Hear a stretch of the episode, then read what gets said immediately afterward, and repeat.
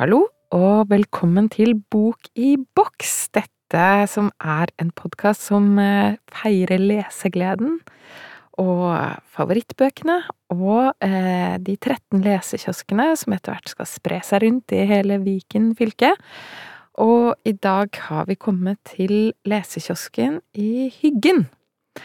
Og i Hyggen, der finner vi Silje Bull Njå Larsen, og hun eh, eh, er eh, leder for eh, Innovati, eh, et selskap som jobber med lederutvikling. Og hun har et hovedfag i engelsk, og har vært innom litt sosialantropologi, og har både bodd og vokst opp i Baltimore, Rotterdam og Stavanger. Så, men nå er hun heldigvis på Hyggen og kan dele sin leseglede med podkastens lyttere. Så velkommen, Silje. Takk skal du ha. Takk for at du vil komme og dele lesegleden din med oss. Det er veldig spennende å være her. Ja. Jeg glemte å si at du er tidligere stuper. Ja, det stemme? Det, det var i ungdommen, så det kjennes som et tidligere liv, men jeg har stupt i mange år. Ja, det er helt utrolig imponerende. Ja, jeg, jeg, vet ikke. Jeg hadde lyst til å bli eh, trapesartist på sirkus når jeg var liten. Eh, og stuping i en organisert stupeklubb i Stavanger var vel det nærmeste jeg kom. Så det var mange, mange fine år med stuping. Så du, du Nå spør jeg sånn dumt, da, men du kan du kan saltomortale og sånn i lufta? ja, jeg kan Eller kunne, er vel Ja. riktigere å si. Jeg kunne okay. ganske mange forskjellige Triks? saltoer. Ja, triks, ja. Eh, Det er ikke så mye å imponere med nå lenger, Nei. men en gang så satt det. Ja, så du Det sitter ikke i kroppen eh, Det er ikke helt liksom Jo, altså det blir, det blir jo bevegelsene blir jo automatisert, men når man ikke har gjort de bevegelsene på lenge, Ja. så tenker jeg at eh, litt skrekk, så litt sånn mentalsperre, og litt sånn at kroppen blir eldre og Ja. man, Det må jo vedlikeholdes, det som alt annet. Men, eh, men vi har faktisk, i Norge så har vi en stuper som skal til OL, som er kvalifisert til OL i Tokyo.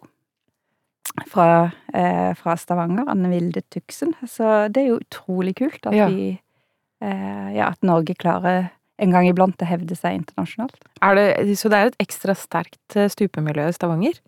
Det har vært det. Eh, Tradisjonelt så, så har det vært det. Eller hun er vel opprinnelig Randabergstuper.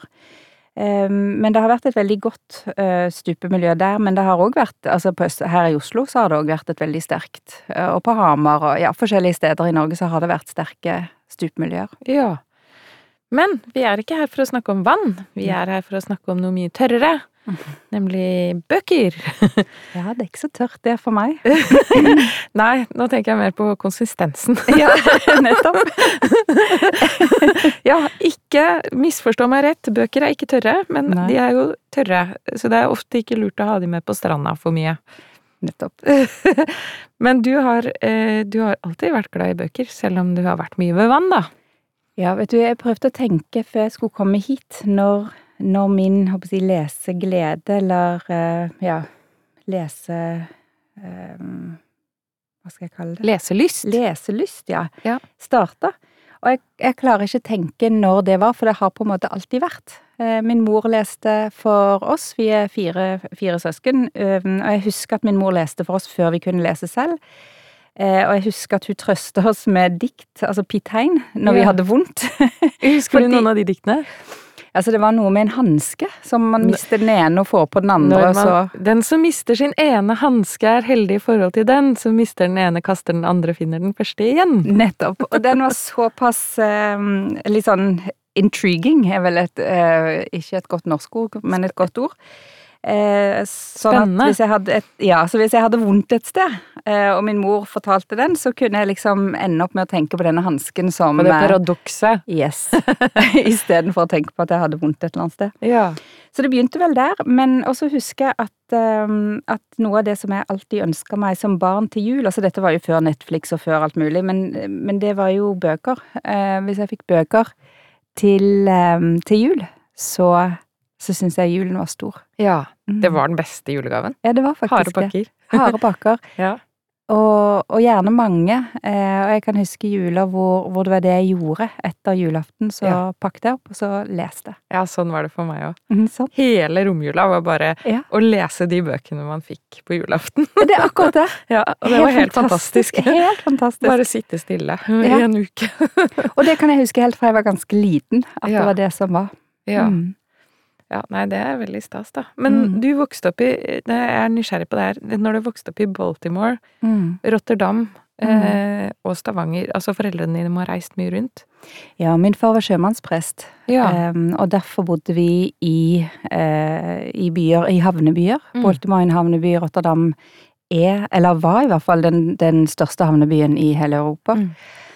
Eh, så, så vi flytta rundt. Vi bodde òg en periode i Lisboa, så det var på grunn av jobben til min far, men det ga jo òg eh, eh, et utsyn, en, et mangfold i Ja. barndomsopplevelser. Men lærte du deg språkene disse stedene? Leste du bøker på disse språkene, er det jeg lurer på? Ja. Engelsk leser jeg ennå på. Ja. Em, hollandsk lærte Ja.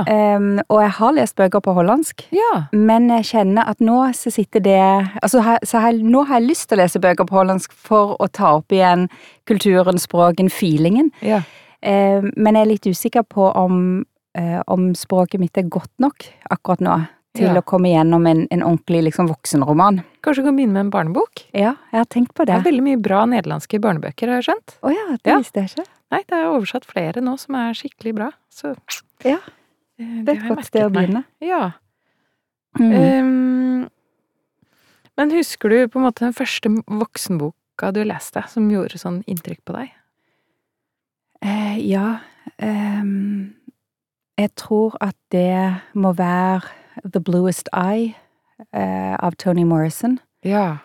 Den leste jeg på engelsk eh, mens vi bodde i Rotterdam, og, og livet mitt foregikk på, på engelsk og hollandsk. Hvor gammel Ehm, var du da, da? Hvor gammel kan jeg ha vært? Tolv? Ja. Ja, det var tidlig å begynne med en ordentlig 12. voksenbok. Ja. ja, og den var Det var sånn at jeg leste den og skjønte veldig lite. Jeg husker at jeg tenkte at dette er eh, Dette skjønner jeg ingenting av, men jeg leste den likevel, for jeg skjønte at det var noe der som jeg Ja. ikke skjønte. Ja, ja, ja. Eh, og jeg har jo lest den etterpå, eh, som voksen. Ja. Og skjønner hvorfor jeg, at jeg liksom dro meg selv gjennom den, og skjønner òg hvorfor jeg ikke skjønte så mye. Ja. Eh, For den var for avansert. Altså, jeg hadde ikke referansene. Jeg Nei, kunne, nei. Ikke, kunne ikke forstå egentlig det som skjedde der.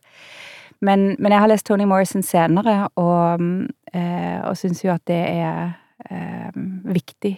Ja, Viktig litteratur. ja, ja. Og Mm. det er sånn fargerikt og liksom saftig. Jeg vet ikke, hun har så levende beskrivelser at jeg føler jeg har vært på de stedene, på en måte. Ja. Det er akkurat det. Og du føler det i kroppen, da, de bildene. Ja. Jeg er veldig glad i henne, altså. Men, det- men det er jo et eller annet Er du ikke enig i det at det er jo på en eller annen måte noe fint med at du som tolvåring tar opp den boka, Ja. og at du merker at det er noe der, men ja. også at du virkelig gjør Du leser den selv om du ikke skjønner, og så merker du at det er noe viktig her. Jeg vet bare ikke hva ennå. At det er noe som drar deg inn i voksenheten, på en måte. Ja, det var akkurat sånn. At det dro meg inn i noe som jeg ikke forsto. Eh, og jeg husker òg at um, For da, da kan man jo tenke at ja, men jeg gir opp, eller Ja, jeg vil ja, ja, ikke, eller det er for vanskelig, eller et eller annet sånt. Men jeg tror jeg mest gleder meg til jeg skulle bli voksen, eller stor nok, eller moden nok til å forstå det. Fordi at jeg hadde lyst inn i den verden. ja, ja. ja. Ja, det er litt sånn Um, jeg leste eh, Tarjei Vesaas eh, Ja. Fuglene, da tror jeg jeg var sånn 11-12. Altså, man skjønner jo at han er utafor og alt det der, men du skjønner ikke liksom det Nei. fulle dybden i den fortellingen før man er voksen, tror jeg. Men det var et eller annet med at, ja At det var ikke tilpasset for meg. Nei. Og det var bra, på en måte. Du følte at du fikk gå inn i de voksnes verden, da, Ja. med den boka. det, tenker jeg det er bra at noen eh, At man er barn når man er barn. At, at noen ting Altså forstår man ikke, og det er greit. Mm. Eh, og så tenker jeg òg at det er Det kan være fint å lese bøker om igjen. Jeg har flere bøker Ja. jeg har lyst til å lese om igjen, som jeg leste som voksen og forsto når jeg leste de, men, men at det allikevel er eh, en mulighet for når man leser ting på nytt, at man får med nye sider, eller Ja. fordi at ens eget liv har gått videre. Ja. Og det er perspektiver eller læring som en har gjort i eget liv som gjør at en leser det litt annerledes. Mhm. Så, så for meg var det helt ok å ikke skjønne The Bluest Eye den gang da. Ja, ja, ja. Men er det andre bøker du har lest om igjen, og som du bare plutselig skjønner på en ny måte? Det er mer sånn at det, er en hel liste med bøker at jeg Ja. ønsker å lese om igjen, men så Jeg har en sånn liste jeg sparer til jeg blir 90. Ja, men det er akkurat det. det er akkurat det. For det er så mange spennende nye bøker òg, så jeg har aldri helt tatt meg den luksusen å lese, eh, lese bøker på nytt. Nei. Selv om jeg gjerne vil det. Det er en Moby Dick har jeg lyst til å lese på nytt. Eh, den, eh, den leste jeg en gang som student, Ja, eh, blant annet. Ja, så der er, der er mange bøker. ja. Mm. Det er det. Det er helt fantastisk. Det er jo mer enn nok. ja.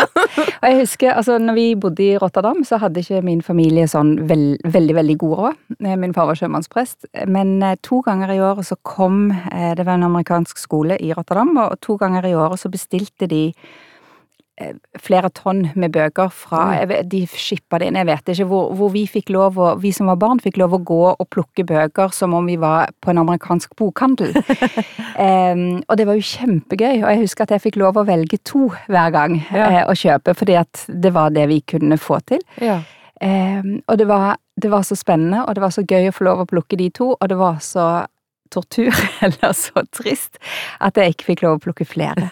ja. Så det var et sånn, ja, et sånn sterkt barndomsminne av, av at jeg har så lyst på flere, og, men jeg må velge.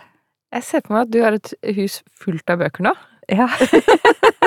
jeg er veldig, veldig glad i eh, det å ha bokhyller. Det å kunne gå eh, Det å kunne gå og, og se på de bøkene som er lest. Ehm, at de At når jeg ser på, ser på selve boken, ser på coveret, så bringer det tilbake minner eller stemninger eller Mm. et eller annet. Så jeg er veldig glad i bøkene mine. Ja, ja, ja. ja men, De er viktige. jeg tenker sånn eh, Det har jo vært så mye snakk i bokbransjen om e-bøker vil erstatte papirbøker, men Ja. akkurat det du sier der, er jo et Mm. bevis på at det kan ikke det. Nei. For du husker boka på en helt annen, mye mer fysisk, taktil måte når du har den i Du hånda.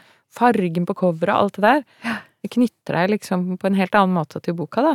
Og det er veldig rart, for jeg vil ha papiret. Ja. Så jeg liker ikke så godt å lese på Kindle, eller jeg har jo selvfølgelig Kindle og Ja. kan lese på iPad, men, men det å ha boken og kunne sette den i bokhyllen etterpå, Mm. det, det er helt enig i det taktile, eller det at, at den fins fysisk. Mm. Da blir han, det blir mindre flyktig. altså Det er ikke sånn at den forsvinner, forsvinner på en måte bare inn i hodet mitt når Ja. boken er lest, den fins der. Ja, ja, ja. Og du blir minnet på den hver gang du går forbi hylla di. Ja. Ja, det Så det går i det og lydbok, for Ja. det er så praktisk i bilen eller på, ja, på vei til her eller der. ja, ja, ja. Mm. Ja, hva hører du på lydbok nå, da? Akkurat nå så hører jeg på um, den, den første boken eh, Vi skal snakke om Et lite liv Ja. eh, senere. Den første boken eh, av samme forfatter Ja. hører jeg på nå, som heter The People in the Trees, tror jeg. Nå jeg, ja, husker ikke akkurat tittelen, men, men den, den har jeg starta på. Ja. Å, Mhm. så gøy, da. Men da må vi snakke litt om Et lite liv, da, som du skal legge igjen på lesekiosken i Hyggen. Ja. På, er det på eller i Hyggen? I hyggen, sier vi. Å ja, ok. Mhm. I Hyggen. Du skal legge den eh, igjen i Hyggen. Ja. Et lite liv av Hanya Yanagihara. ja. Eh, og den, eh, hun har et eh, asiatisk navn, denne forfatteren, mm. men hun bor i USA og skriver på engelsk. På Så du leser boka på engelsk. Ja. Og da heter den A Little Life. Mhm. Og det er jo en, eh, en veldig sterk historie. Ja, det er en veldig sterk historie. Um, og den har jeg faktisk gått tilbake og lest en gang til, Mm. før denne uh, podden her, podkasten her. for jeg tenkte at, at jeg måtte for å Både fordi at jeg ville, det var en sånn bok som jeg hadde lyst til å lese en gang til, eh, men òg for å, å friske den opp før jeg skulle For å kunne si noe om den. Mm. Um, ja, hvor begynner man?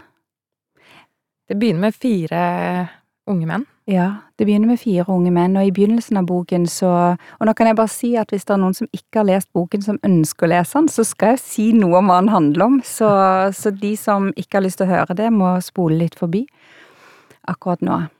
Um, det begynner med fire unge menn eh, som, som treffer hverandre som studenter. Eh, og man kan jo tenke at, at dette er en sånn typisk college, altså fire, fire unge gutter som skal oppleve verden, og Ja. en vil bli kunstner, og eh, en vil bli arkitekt, og så videre. Eh, en studerer juss. Eh, og den andre ender opp med å bli eh, skuespiller. Ja, skuespiller, Ja. Mhm. Så det begynner med de fire, og settingen er New York. Um, og, og, settingen er, er jo Altså, det, det, er på en måte kjent. Altså, det er fi, fire gutter som skal finne, finne seg selv og finne, finne ja. sin plass i verden. En dansesroman, rett og slett. Nettopp. Mm. Uh, og i begynnelsen så, der, så legges det like mye vekt, på sett og vis, på alle fire. Eh, men det blir tydelig at den ene, han som heter Jude St. Francis, mm. Eh, han i begynnelsen er litt utydelig, for han melder seg ikke så mye inn. Mm. Eh, han forteller ikke så mye om sitt liv som de andre. Etter hvert så, så skjønner man at det er Jude som er hovedpersonen, egentlig, i boken. Han kommer sterkere frem. Eh, og noe av grunnen til at han ikke forteller eh, eller eh, deler så mye som de andre gjør i boken, det er at han har en historie som er ganske krevende. eller krevende var et litt forsiktig ord. Han har en forferdelig historie. Det er brutalt. Det er brutalt. Ja. Um, og, og historien, eller boken, veksler mellom å fortelle om utviklingen og livet eh, til disse fire, fra de er i 20-årene til de blir noen og 50. Eh, så, så den går liksom fremover i tid, og samtidig som vi går bakover i tid og får deler litt etter litt etter litt av historien til Jude. Mm. Fra hans, eh, hans tidlig, tidlig barndom. Eh, og når jeg hadde lest den boken på nytt igjen før vi skulle treffes her nå, så, så tenkte jeg hm, hvorfor, valgte, hvorfor, valgte jeg denne? Ja. For den er eh, Jeg er glad for jeg leste den igjen. Det er en fantastisk bok. Um, og samtidig så berører han så utrolig heftige temaer. Mm. Um, på, på en veldig varsom måte. Ja. På en veldig brutal og varsom måte. Mm. Så det er brutalt, og det er varsomt, og det er Ja, det er, er, mye kjærlighet Altså, det, det, er på en måte en kjærlighetsroman.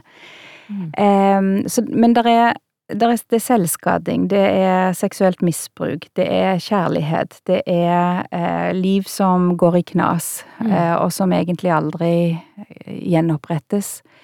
Eh, det er en bok om, om tålmodighet. Eh, ja, om, om, de dypeste avgrunner og, og de fineste øyeblikk. Mm. Så, så det er en Det er en bok som, som drar deg inn. Mm. Um, og hvor man Eller for meg i hvert fall, så ble jeg glad i. Det er ikke som man blir kjent med ja. de figurene. Ja, og du mm. skjønner, man skjønner på en måte mer og mer av Judes oppførsel, da. Ja. At man avdekker gradvis at det er en liksom streng logikk i det han gjør. Ja, man gjør det. For han Jeg kan si litt om, om hva slags bakgrunn han har. Ja, fortell. Han, eh, han vet ikke hvem sine biologiske foreldre er. Han ble funnet eh, i eh, Nå husker jeg ikke hvilken by i USA, men, men, et eller annet sted i USA så ble han funnet som baby, eh, i, bare forlatt, mm. i en eske. Eh, og blir eh, oppfostra i et kloster med, eh, med brødre. Det er brother, brother, Francis og brother Luke Nei, ja, og, og, flere av disse her. Og det er hans, hans barndom. Eh, tilbringer han der. Han får sin eh, opplæring, altså skole, der. Eh, og det er jo flinke, intelligente menn, så han, han får en solid, liksom akademisk start. Men, men han har ingen andre barn. Eh, på dette klosteret, og han blir misbrukt. Han mm. blir straffa for ting han ikke forstår hvorfor mm. han blir straffa for. Han blir straffa veldig, veldig brutalt.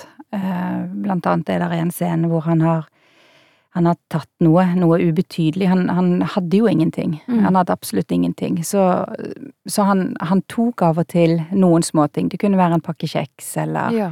eh, noen sånne småting som, som barn jo gjør. Som barn gjør, ikke sant. Mm. Um, og i det ene tilfellet når han hadde tatt en liten ting, eh, så, så, fikk han oljen smurt inn med matolje og mm. satt fyr på. Hånda. Hånda, Hånda ja. Mm. Hånda, ja. Mm. Um, den, ty altså, den, type ting går mm. igjen. Um, det er én, én av brødrene som er snill, uh, som han knytter seg til, brother Luke. Uh, men det viser seg at det er vel det vi nå kaller grooming. Ja. for det var en da som han kunne søke tilflukt hos, som uh, opptrådte som om han ville Jude vel. Mm. Og som til slutt, når det ble uutholdelig for Jude, sa at eh, det altså brother Luke at vi rømmer sammen. Mm. Jeg har heller ikke lyst til å være her.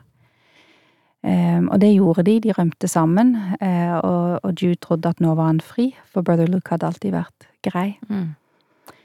Men det viser seg jo at uh, brother Luke er, er pedofil, um, og uh, sier at Jude må være med å tjene penger hvis de skal få bygge seg en, en liten hytte i skogen. Og måten Jude skal tjene penger på, det er gjennom prostitusjon. Mm. Så det er flere år med, med ganske sånn slitne, skitne motellrom og ditto pedofile menn som Ja. kommer innom. Noen ganger én og én, noen ganger i grupper. Eh, og Jude får beskjed om at eh, du er så flink til dette, du er født, you're born for this. Mm.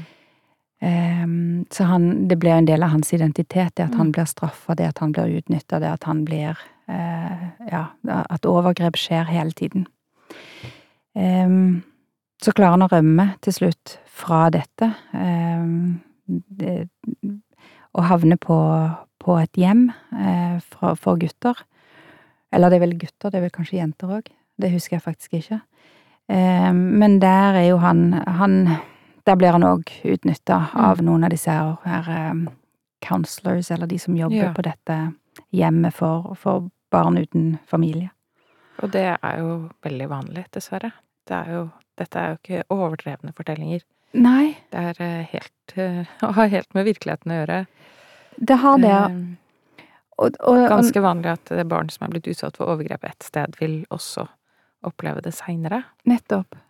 Uh, og jeg vet ikke helt hvorfor det skjer. Det er helt sikkert en god forklaring på, på hvorfor det skjer, men det er jo helt forferdelig Mm. med det barnet det skjer med.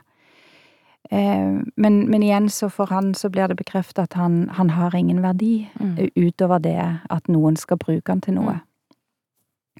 Eh, og han går jo gjennom en hel barndom uten å helt forstå eh, hvorfor dette skjer. Mm. Men han har heller ingen normale referanser i livet. Så, så på en måte så er dette en grusom, altså på en måte et grusomt eventyr, for dette er så, det er så fjernt, og samtidig sånn som du sier, at dette skjer, og Ja. dette har skjedd. Og er veldig vanlig, Og egentlig. er veldig vanlig. Mye mer vanlig enn man skulle tro. Men, Ja. eh, men han klarer jo å løfte seg på en eller annen måte Ja. ut av eh, de verste tingene, da. Men han bærer disse sårene med seg. Ja, han er en veldig intelligent eh, mann som, som man forstår gjennom historien at han har en enorm tiltrekningskraft. Altså disse her vennene som han får, som, som det fortelles om i begynnelsen av historien, de, det er på en måte en, en eh, kjærlighetshistorie mellom fire, fire menn. Altså Ja. et, et så sterkt vennskap. Ja, hvordan vennskap kan redde en. Ja, eh, og så er jo det spørsmålet om, om han blir redda. Mm. Eh, For gjennom boken så I hvert fall for min del så venter jeg på at, at siden han møtes med mye vennskap, kjærlighet, godhet, mestring eh, Mm. Han blir både matematiker og advokat. Ja. Eh, og Ekstremt imponerende hopp. kjempeimponerende. Mm. Eh, og hadde han ikke hatt de vennene, hadde han ikke fått, eh, fått til Altså hadde han ikke vært vært en som, som endte opp med en kontekst som var med å løfte han frem, så, så kunne det jo gått helt galt. Mm. Eh, og han, han forsøker jo å ta livet sitt et par ganger gjennom boken, men, Mm. men jeg venter liksom gjennom boken på at, at endelig skal han få klare å legge alt bak seg. Endelig så skal han få, få skjønne at han har en verdi utover det som, som han er blitt gitt som liten. Mm. Men, men det skjer ikke. Nei. Der er og, og det er det som Altså, man venter, venter, venter på På at det skal komme et forklaret øyeblikk. Da. Ja. Et øyeblikk hvor han får slippe, hvor han får Mm. ro, hvor, hvor alt det gode han opplever senere i livet, Mm. balanserer ut. Mm. Men det gjør ikke det. Nei, det er også ganske realistisk, da. Ja. Det er jo veldig vanskelig å overkomme traumer. Altså, PTSD er jo Og sånn som han opplever, det er jo kompleks PTSD. Da eter det seg inn i hele personligheten. Det er det det gjør. Og det er veldig vanskelig å legge det bak seg, på en måte. Ja. Han sitter helt fast i det og nekter å få hjelp. Mm. Og noe av det tror jeg i boken handler om at han, han ehm, er litt usikker på om han tror han er mulig å hjelpe, og om han er Mm. verdt å hjelpe. Mm. Det er liksom en slags, eh, kan vi si, absolutt det motsatte av en Hollywood-film, denne boka her. Ja. ja. ja. Det er ikke noe sånn 'og så snudde alt, og han ble kjempeglad'. Nei, det er ikke det. Og strykere til slutt. Nei, nei, de strykerne de kommer aldri, selv om man venter på dem. Man ønsker det så sterkt. Ja, nei, du har helt rett. Det er det motsatte av en Hollywood-roman, og, veldig annerledes, tror jeg, enn mye av det som skrives. Mm. Um, for det er, en, det er en sånn brutal eh, Ja, en brutal realisme, og samtidig er det noe, noe sånn eventyraktig Jeg vil kanskje forklare, men noe sånn eventyraktig. Altså det, det er akkurat som Men er dette mulig? Mm. Kan, kan dette finnes? Og så er det samtidig helt brutalt realistisk. Ja. Og så opplever jeg at alle de, de scenene som er skikkelig brutale, eh, noen av de er, relativt sånn beskrivende. Mm. Eh, altså hvor ting beskrives. Han skjærer seg, blant annet. De Mm. scenene beskrives hvordan han skjærer seg. Men jeg opplever aldri at det er spekulativt. At man, det, det, det er for å underbygge han, hvem han har blitt, og hvorfor Ja. han har blitt sånn. ja, ja. Og den Eh, uutholdelige smerten, da, som man Ja. kan få litt sånn frelse fra ved å eh, kutte seg, da. Ja, det er en overlevelsesmekanisme for Mm. han. Mm. Så det er en utrolig heftig bok. Ja. Um, og veldig trist når den var slutt. Ja. ja, men er det en glede i å lese denne boka, selv om det er så mørke temaer? Ja. Så liksom dypt ned i, i ja, det svarteste mørket, da? Ja. ja Er det språket som gjør det, da, eller er det måten det er fortalt på, tror du? Det er et godt spørsmål. Um, jeg tror at det er begge deler. Hun, hun skriver jo veldig, veldig godt. Ja. Um, og hun har uh, en, en måte å Altså, hun, hun bruker språk, og hun bruker ord på, på en måte som er, og er oppløftende. Ja. Eh, og vakkert. Hun har et vakkert språk. Eh, og så skildrer hun menneskene med så stor respekt og tålmodighet. Altså, jeg ble noen ganger utålmodig, jeg hadde lyst til å bare riste han Jude og si men kom deg, til, kom deg i terapi, liksom.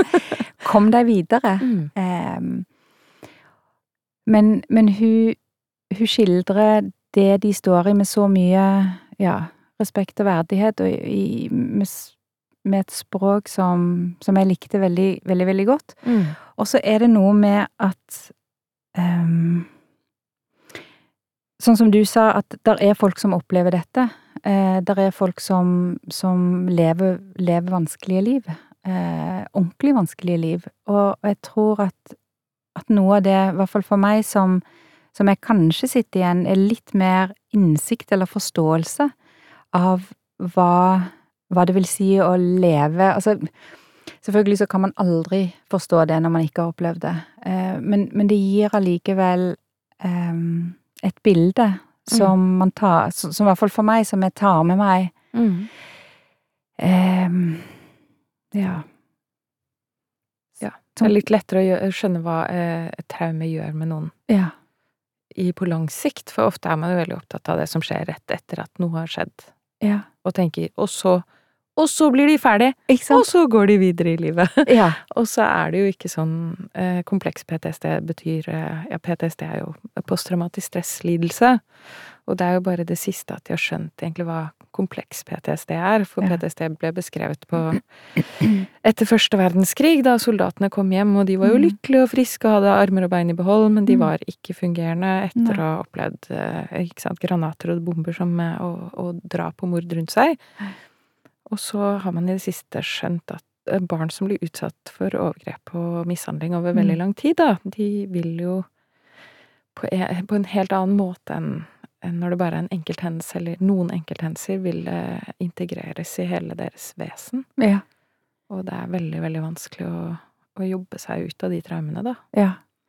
Og jeg tror det er en, en dyp, dyp, dyp skamfølelse, eh, som jeg i hvert fall får inntrykk av at han Jude i boken eh, sliter med. En, en enorm sånn, sånn skam og, og skyld som er vanskelig å vite hvor, hvordan Hva skal man gjøre med den? Mm. Hvordan, hvordan skal man lette den type Mm. Hvis en tenker at alt det vonde som har skjedd, er fundamentalt sett min feil. Og at det er noe galt med meg, siden de tingene skjedde med meg. Ja, Jeg fortjente det. nettopp. Og den er vanskelig å, å bli kvitt. Mm. Um, og erstatte med noe riktigere og bedre. Mm. Det høres ut som en veldig klok bok alle burde lese, syns jeg. I tillegg til at den er vakkert skrevet og Ja, altså det er jo en kjempe murstein av en bok, og likevel Ja. har du lest den to ganger. Ja, den Så- er jo eh, på Er det 700 sider, Ja. cirka? Der omkring? Så det er jo noe driv i disse sidene, da. Helt klart. Noe driv. Og han er jo oversatt til norsk, så det går an å lese den òg på norsk. Ja, heldigvis. Ja.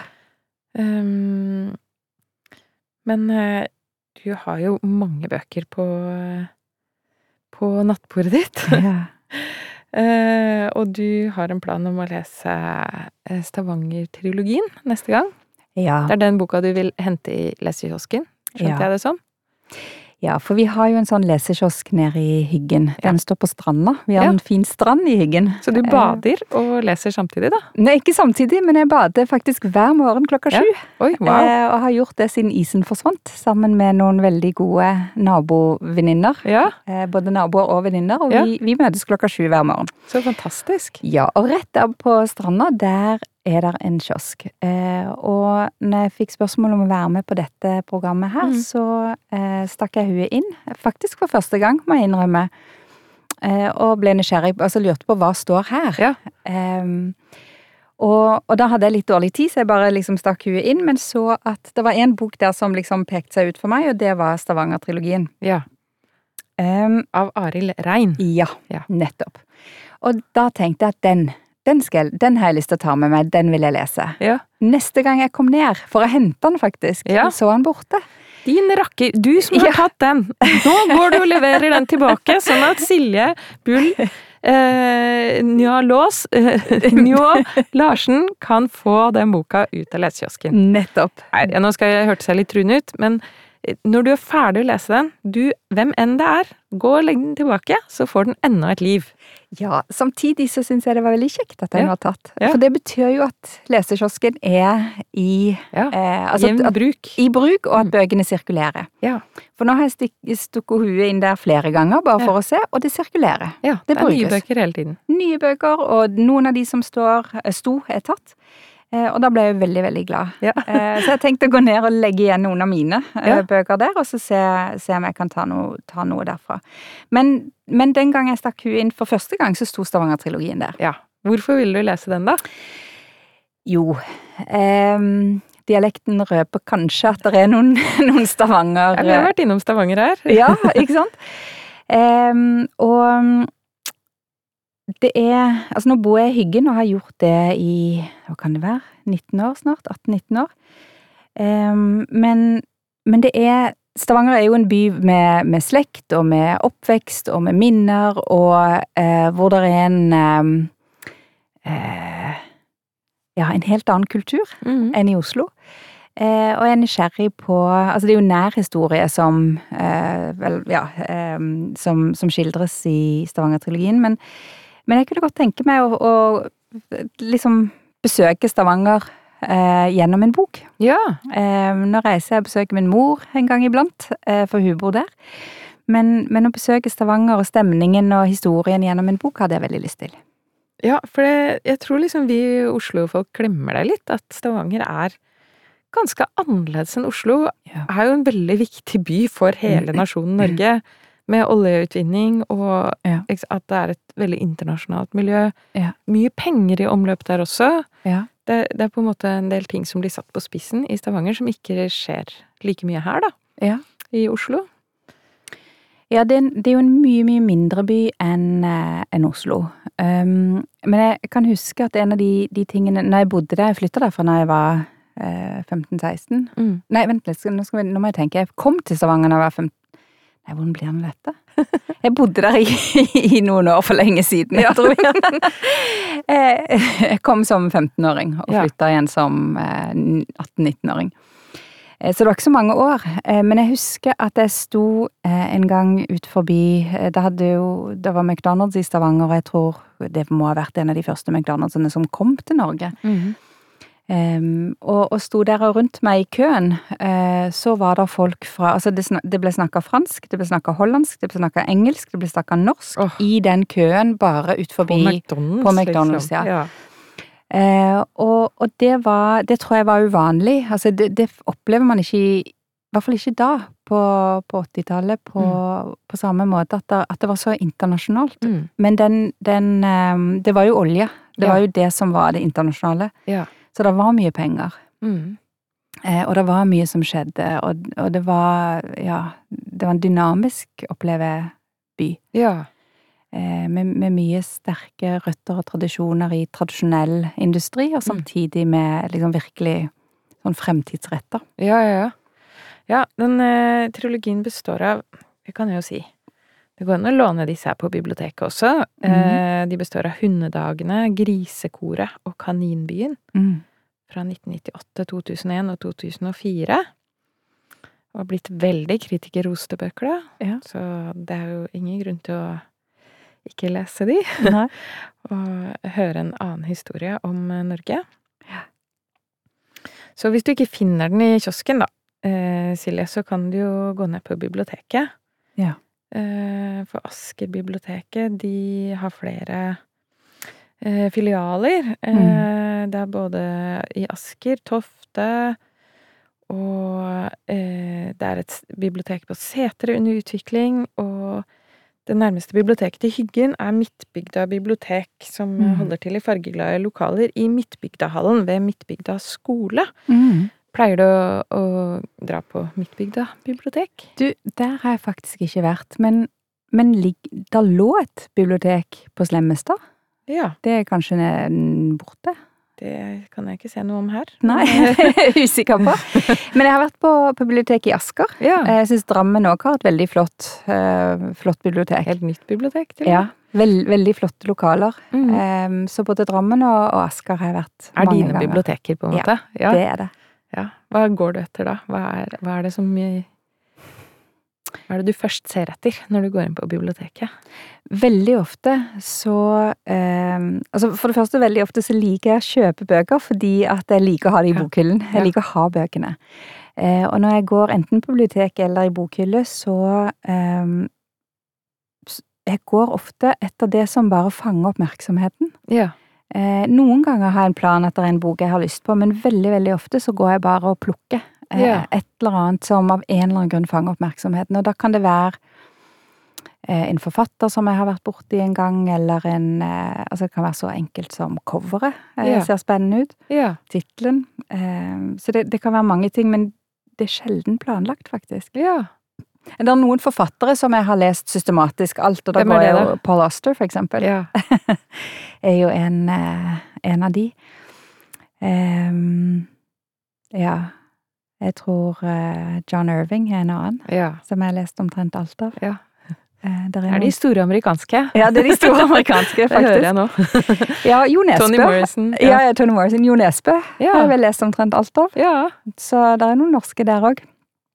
Men jeg liker godt eh, jeg, jeg tror det er noe med Det er kanskje derfor jeg har lyst til å lese Stavanger-trilogien òg, men, men det er noe med å holde kontakt med gjennom litteratur med de stedene jeg har bodd, eller de kulturene jeg kjenner, Ja. eller det språket som, som på en eller annen måte ligger i meg. Ja.